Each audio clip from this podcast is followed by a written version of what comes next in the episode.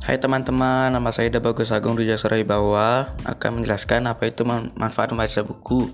Membaca buku memiliki banyak manfaat yang luar biasa untuk diri kita. Membaca bukan sekedar mendapatkan ilmu pengetahuan yang membuka dengan dunia luar lebih luas lagi. Banyak hal lebih dari itu yang kita dapatkan dari baca buku. Sayangnya, di negara kita, yaitu negara Indonesia, kegiatan membaca masih sangat kurang.